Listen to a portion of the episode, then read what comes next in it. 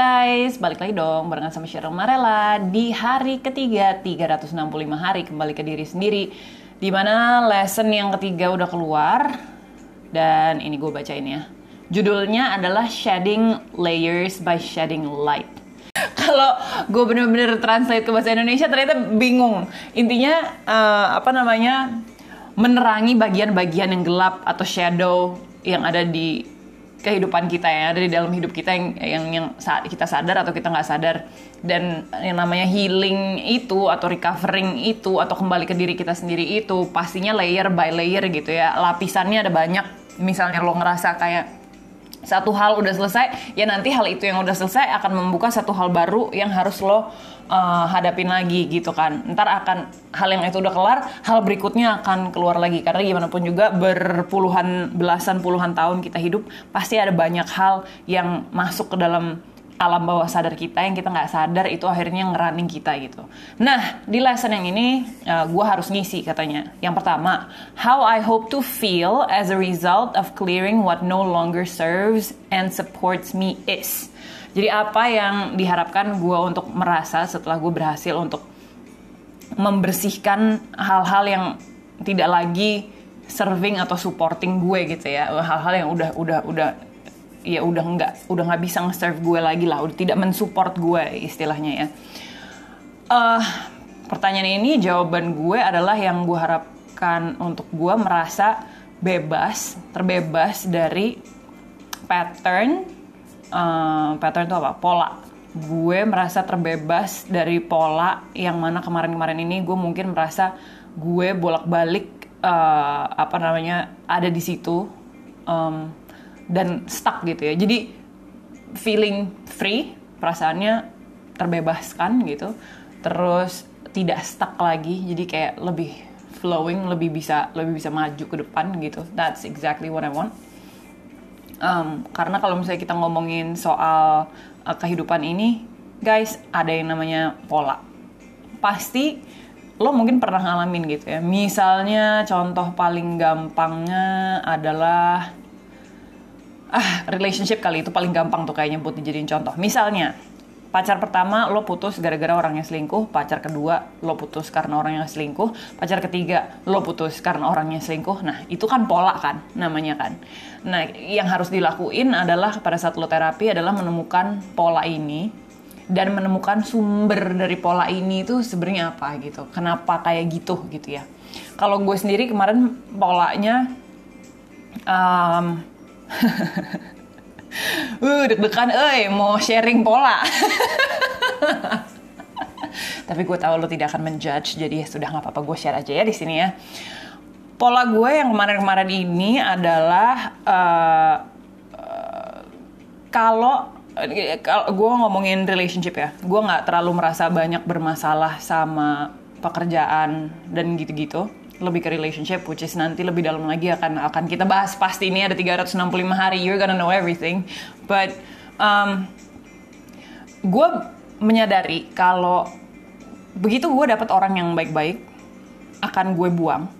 Pada saat gue dapat orang yang buk nggak nggak nggak berarti orangnya nggak baik ya. Tapi pada saat gue mendapatkan orang yang gue tahu nggak ada future-nya nih nggak ada future kan bisa macam-macam ya. Bisa orangnya uh, tinggal di luar negeri gitu misalnya. Jadi kayak agak sedikit lebih susah untuk ngejalanin long distance relationship gitu. Atau uh, kalau di Indonesia mungkin ada yang beda agama gitu. Jadi kayak you know that it's hard untuk ngejalanin itu. Mungkin gitu ya. Um, atau orangnya punya orang lain atau punya cewek atau punya gue nggak pernah sih kalau ngedapetin eh, bukan ngedapetin gue nggak pernah sih kalau um, apa namanya orang yang dimiliki orang lain tuh apalagi when it comes to they are married nggak pernah. Cuman maksud gue itu salah satu contoh aja. Cuman uh, kembali lagi basically kalau gue menemukan orang-orang yang emotionally unavailable nah di situ yang gue justru bisa bertahan cukup lumayan lama gitu. Dan ternyata pada saat patternnya dibongkar bersama terapis gue gitu ya di satu momen gitu uh, kenapa sih kok gue merasa seperti itu gitu kan. Kenapa gue merasa lebih nyaman sama orang-orang yang gak ada future-nya sama gue karena ternyata deep down gue adalah orang yang takut komitmen. Nah di bagian ini gue baru menyadari kalau nggak hanya relationship gue aja yang uh, terkena efeknya tapi ternyata bagian ini kerjaan juga ngaruh.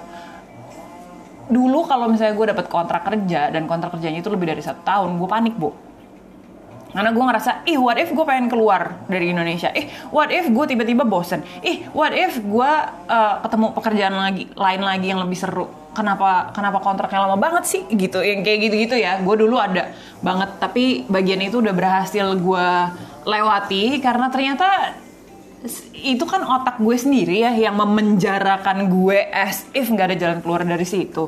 Padahal sebenarnya mah ya udah lo tinggal resign aja, susahnya sih gitu. Sama juga sama relationship. Kenapa gue emotionally unavailable? Uh, atau gue takut sama komitmen balik lagi sama sama masalah pekerjaan itu. Gue ngerasa ntar kalau gue bosen gimana ini kalau gue nggak suka sama orangnya ternyata gue nggak cocok gimana? Gitu. Gue pikir hanya segitu. Ternyata layer itu pada saat dikupas lagi ada lagi yang lebih dalam ceritanya. Kenapa gue tidak suka komitmen nah ini mungkin uh, berhubungan sama orang tua ya karena gimana pun juga pada saat lo di terapi lo akan lo akan kembali ke masa kecil lo gitu ya. Akan dicari tahu terapis sama si terapis itu apa sih yang sebenarnya kejadian sama hidup lo di tahun-tahun awal kehidupan gitu. Yang lo lihat uh, tentang definisi komitmen, definisi relationship, definisi cinta itu tentunya yang jadi patokan dan contoh adalah bagaimana pada saat itu keadaan orang tua gue gitu satu sama lain dan ini tanpa gue mau menyalahkan mereka gitu ya. Karena maksud gue ya orang tua gue kayak gitu juga karena mereka masing-masing punya traumanya mereka masing-masing. And if they knew better kalau mereka tahu mereka harus lebih baik dari itu juga gue yakin banget mereka pasti gue pengen nangis.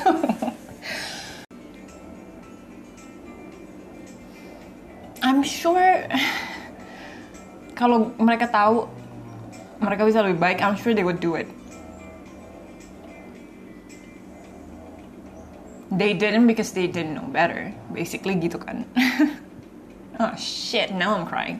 Anyway um um karena dulu mereka sering berantem gitu terus um, menurut pandangan gue yang adalah anak kecil waktu itu ya mungkin gue umur 5 apa 6 tahun gitu kali ya.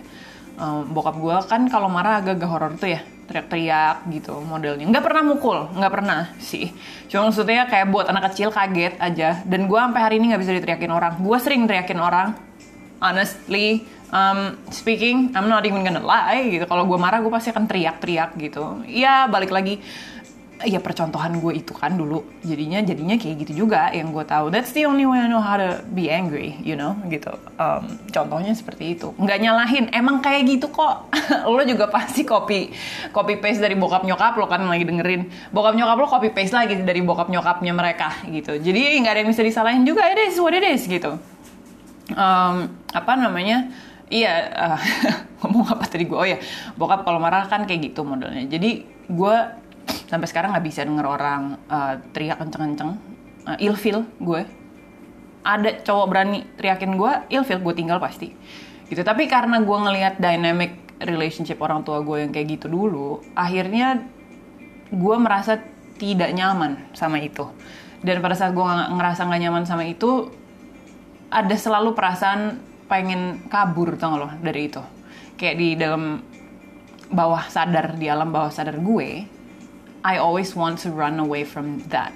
Gitu. I always want to run away from relationship because for me gue mengasosiasikan relationship dengan hal yang nggak nyaman dengan hal yang bikin berantem terus dan satu lagi yang gue nggak bisa pada saat itu adalah I just cannot give or hold space. Atau gimana ya? Gue nggak bisa menyediakan ruangan dalam hati gue gitu ya untuk orang lain bisa mengeluarkan perasaannya ke gue gitu. Karena pada saat lo di relationship kan perasaannya nggak cuma happy doang tapi kan ada sedih ada konflik ada marah. Nah selain bagian happy-nya tuh yang gue pengen ambil egois banget perasaan lain gue nggak kepengen. Jadi dari zaman gue SMA aduh. Kayaknya cowok-cowok yang pernah deket sama gue pasti tahu deh. Gue selalu nggak mau bo uh, pacaran official gue selalu ngerasa yang kayak nggak ah deket aja. Gitu. Ternyata bo ya gue baru sadar sekarang itu fear of commitment gue yang ada di situ. Ternyata gue tidak tidak nyaman. Dan gue pikir seiring berjalannya waktu gitu ya pada saat umur gue tambah itu akan jadi sesuatu yang uh, hilang uh, sendiri. Ya enggak. Enggak bakal hilang sendiri. Yang ada if I don't work on myself itu jadi karat bo karatan gue subconscious gue karatan gitu nggak akan membuat gue menjadi lebih baik juga. That's why again I go into therapy. So itu yang pertama ya yang pertama. Um, nanti pembahasan detail gue yakin banget sih pasti di 365 hari ini akan ada detail-detailnya lagi ntar gue cerita nama lo. Terus yang kedua pertanyaan what I hope to let go of is perasaan marah gue. Ke uh, balik lagi ya masih ke keluarga nih soalnya. Karena um, um, victim mentality gue kayaknya pengen nyalahin orang tua gitu rasanya yang kayak lo sih kayak gitu gue jadi kayak gini. But again I know um, uh, nggak harusnya kayak gitu juga. Again if they know if they knew better kalau mereka tahu gimana caranya yang lebih baik untuk jadi orang tua they would do it. Nggak mungkin nggak gitu. Apalagi I know they love me so much as much as I love them. Jadi gila mau nangis terus gue di episode kali ini. what I hope to let go is my anger towards them, and what I hope to attract is um, yang gue berharap untuk bisa gue tarik gitu ya, uh, gue bisa attract dalam kehidupan gue adalah the feeling of peace, lebih tenang, peace and love terhadap keluarga gue. Penerimaan yang 100%, penerimaan yang seutuhnya gitu jadi gue bisa damai bener-bener sama mereka dan gue bener-bener bisa merasa bahagia seutuhnya 100% kalau ada di dekat mereka sih. Ah, that's it for today. Leganya, kayaknya habis ini gue masih pengen mewek. anyway guys, oke okay, kalau lo, kalau lo nih, lo misalnya lo ngikutin program kayak gue gitu, lo berharap result apa sih yang terjadi dalam hidup lo gitu ya. Terus yang kedua, yang lo harap lo bisa let go, yang bisa lo lepaskan apa, dan apa yang lo harap lo bisa attract ke dalam kehidupan lo, apa yang lo inginkan gitu. Bagi-bagi langsung bisa lewat Instagram di @cherylmarrella. Terus uh, nanti gue kayaknya akan mengusahakan tiap satu minggu sekali nih um, setelah tujuh episode gitu ya, gue akan baca si sharingan-sharingan dari kalian, responsesnya juga Uh, mungkin gue akan bikin another episode di podcast untuk itu atau bisa jadi gue taruh di IGTV. I don't know yet. Let's see nanti kayak gimana. Mari berkembang bersama guys. Kita urusi uh, revolusi mental tapi diri sendiri ya. Kembali ke diri sendiri, bukan nyalahin orang lain, tapi membenahi diri kita sendiri aja. Being happy with our own self, uh, being uh, apa ya, accepting ourselves the way we are 100% itu sih. I hope you guys can relate to this. I love you all. Dan udah segitu dulu aja untuk episode kali ini. See you di episode 4 besok ya. Bye bye